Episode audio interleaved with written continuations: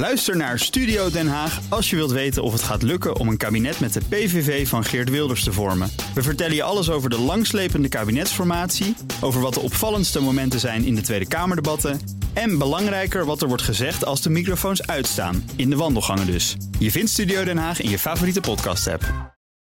Dit is de Oekraïne Ochtend Update. Mijn naam is Geert-Jan Haan. En ik ben Bernard Hammelburg. We praten hierbij over de laatste ontwikkelingen in Oekraïne. En de gevolgen voor en de reacties van de buitenwereld. Je vindt deze podcast in je favoriete podcast-app. We gaan eventjes naar het nieuws uit Oekraïne.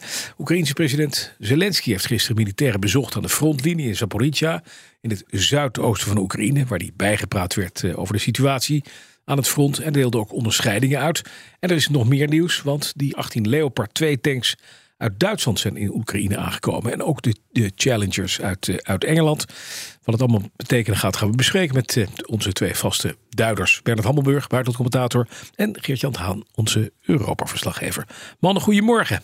Goedemorgen. Goedemorgen. Ja, eerst Bernard. Uh, Zelensky bezoekt wel vaker frontlinies de laatste dagen. Bachmoed is hij geweest, Gersel. nu... Uh, Zaporizhia, waarom doet hij dat? Nou, dat doet hij om uh, een morele boost te geven. Dat is heel goed. Um, om te laten zien hoe betrokken die is.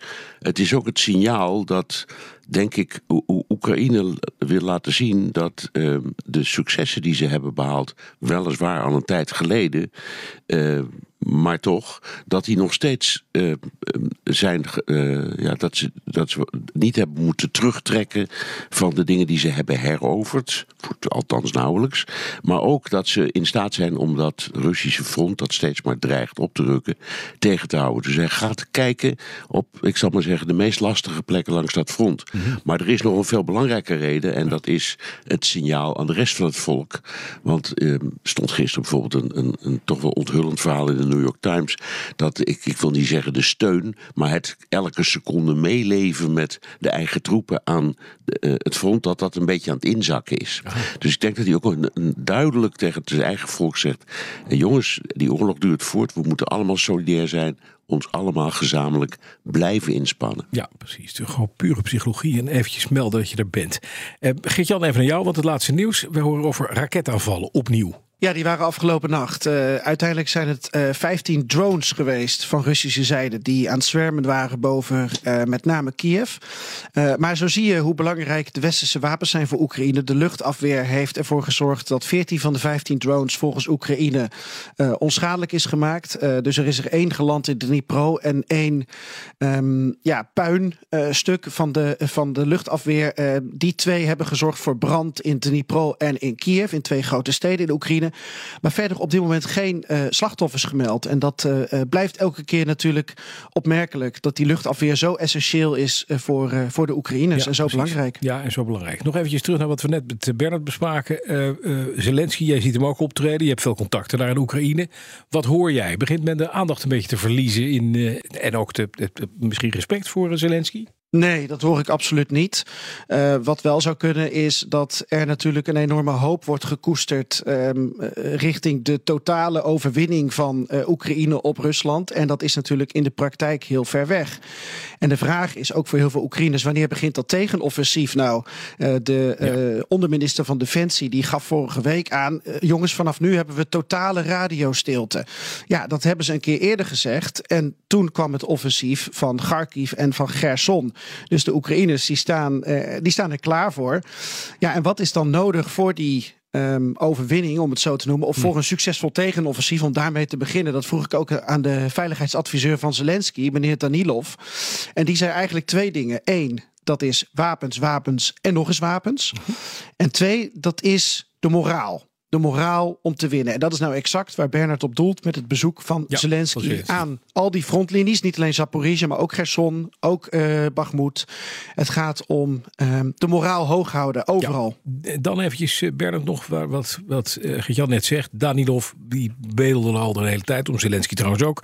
Versterking, meer wapens, noem maar op. Nou, uiteindelijk zijn die 18 Leopard 2 tanks uit Duitsland...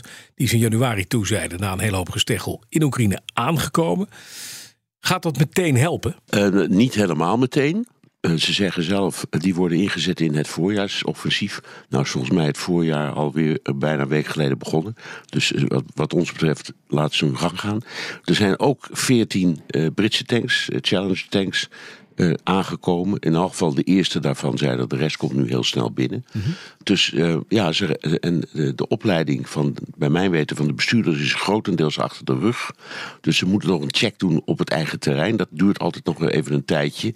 Ehm, en je moet ook wennen aan het samenstellen van bijvoorbeeld van eh, echte bataljons. Hoe staan die tanks dan naast elkaar? Hoe rukt de eerste op en de tweede? Dat zijn bepaalde figuren, dat moet worden ingestudeerd. Maar eigenlijk zijn ze er zo goed als klaar voor. En ze hebben bovendien daarnaast eh, ook nog een aantal ehm, eh, panzervoertuigen gekregen, Amerikaanse eh, en Duitse, Striker, Cougar, Marder. Dat zijn allemaal, ja, ze zien, om, om je een idee te geven, er een beetje uit als een tank. Eh, maar dan sommigen rijden op rupsbanden of sommigen hebben niet zo'n groot kanon. Maar dat, dat moet je een beetje voorstellen. Het zijn belangrijke elementen in een strijd. Ehm, eh, omdat ze, dat zijn allemaal zeer goed gepantserde voertuigen. Dus ja, wat materieel betreft zijn ze echt de afgelopen dagen hebben ze een enorme sprong gemaakt. Resnikov, de Oekraïense minister van Defensie, die, die, die was ook blij, zo blij dat hij zelfs een foto van die geleverde tanks plaatst op Facebook. En dat is illegaal, zeggen de Russen. Waarom mag je daar geen foto's van plaatsen? Dat vinden de Russen. Ik weet niet of het waar is hoor, of dat, of dat niet mag. Ja. Ik, ik kan het je niet vertellen. Nee. Ik, ik kan me niet voorstellen dat het, nogmaals, iedereen plaatst alles op Facebook, dus waarom ze er geen tag Nee, op zetten, precies. als je die hebt. Eh, het is misschien wel verwarrend, omdat eh, nou, heel veel van wat erop komt, dat blijkt dan achteraf niet helemaal te kloppen. Maar ik, ik heb eerlijk eh, gezegd geen idee. Het persbureau TAS heeft daar melding van gemaakt en zei dat dat illegaal was. Ja. Kan je niet vertellen, ik weet het gewoon niet. Even naar die Amerikaanse Abrams tanks, ook een gevechtstank hè? en een zware jongen. Die, die komen die binnenkort? Nou, ik heb nog steeds twijfel. De Amerikanen hebben gezegd, we doen het. En dat was voor de Duitsers reden om te kunnen zeggen... te doen, dan leveren wij die Leopard 2 tanks. Want dat was een voorwaarde. Hè? Ja. De Duitsers hebben steeds gezegd, we doen het wel... moeten moeten de Amerikanen ook over de brug komen. Biden heeft toen gezegd, dat doen we. De Abram is een veel ingewikkelder wapen... eh, met alle mogelijke, eh, ja, het heeft ook nadelen. Het, het verbruikt onvoorstelbaar veel brandstof. Het voelt zich het meest thuis met kerosine. Daar is niet zoveel voorraad van. Eh, het kan ook wel met diesel, maar daar heb je ook heel veel van nodig. Dus het is een ingewikkeld eh, apparaat waarvoor de training nogal eh, wat tijd neemt. Dus ik denk dat ze daar nog mee bezig zijn. Dat zal waarschijnlijk gebeuren in Duitsland. Hè, daar kun je Oekraïnse militairen trainen op Amerikaanse basis. Ehm, maar goed, een woord is een woord. Hij heeft gezegd ze komen, dus ze zullen wel komen.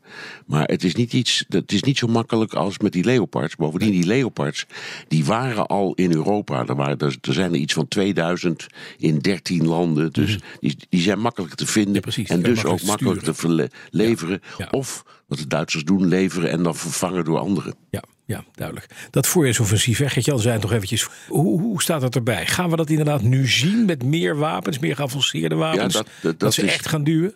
Dat is de, de, de, gro- de grote vraag. Ja. Geert Jan zei al heel terecht, dat kan alleen maar als je de wapens hebt. Nou, die hebben ze nu, althans. ze hebben er meer. Er waren, was vorige week ook een gerucht, dat heb ik niet meer kunnen verifiëren... dat op zichzelf, onder, dat, dat op zijn minst onderdelen van de toegezegde Patriot systemen er ook al zijn. Dus dat het Amerikaanse gedeelte is er. Dus de Duitse en het Nederlandse toevoeging daarvoor, die zal er of al zijn of snel komen. Dan kunnen ze dat ook optuigen. Heel belangrijk wapen als afweer. En zo zie je stukjes en beetjes al die toegezegde systemen ook komen. Het probleem dat de Oekraïners hebben is, en dat zeggen ze ook, er, is voor miljarden eh, toegezegd. En dat vinden we fantastisch. We zijn dolblij met de solidariteit. Maar we moeten ze wel echt zien en hebben. Eh, op het moment dat dat gebeurt, denk ik dat er wel een voorjaarsoffensief komt. Al weet ik niet hoe het eruit ziet. En gelijk hebben ze. Want dat moeten ze natuurlijk niet delen met de buitenwereld. Dat moet een verrassing blijven. Absoluut, ja. Dat zou wel fijn zijn. Dankjewel. Bernard Hammelburg, onze buitenlandcommentator. En Geert-Jan Haan, Europa-verslaggever. Bij BNR ben je altijd als eerste op de hoogte van het laatste nieuws. Luister dagelijks live via internet. Bas van Werven. En heel langzaam komt de zon op rond dit tijdstip. Je krijgt inzicht in de dag die komt op BNR, het Binnenhof in Nederland en de rest van de wereld. De Ochtendspits. Voor de beste start van je werkdag. Blijf scherp en mis niets.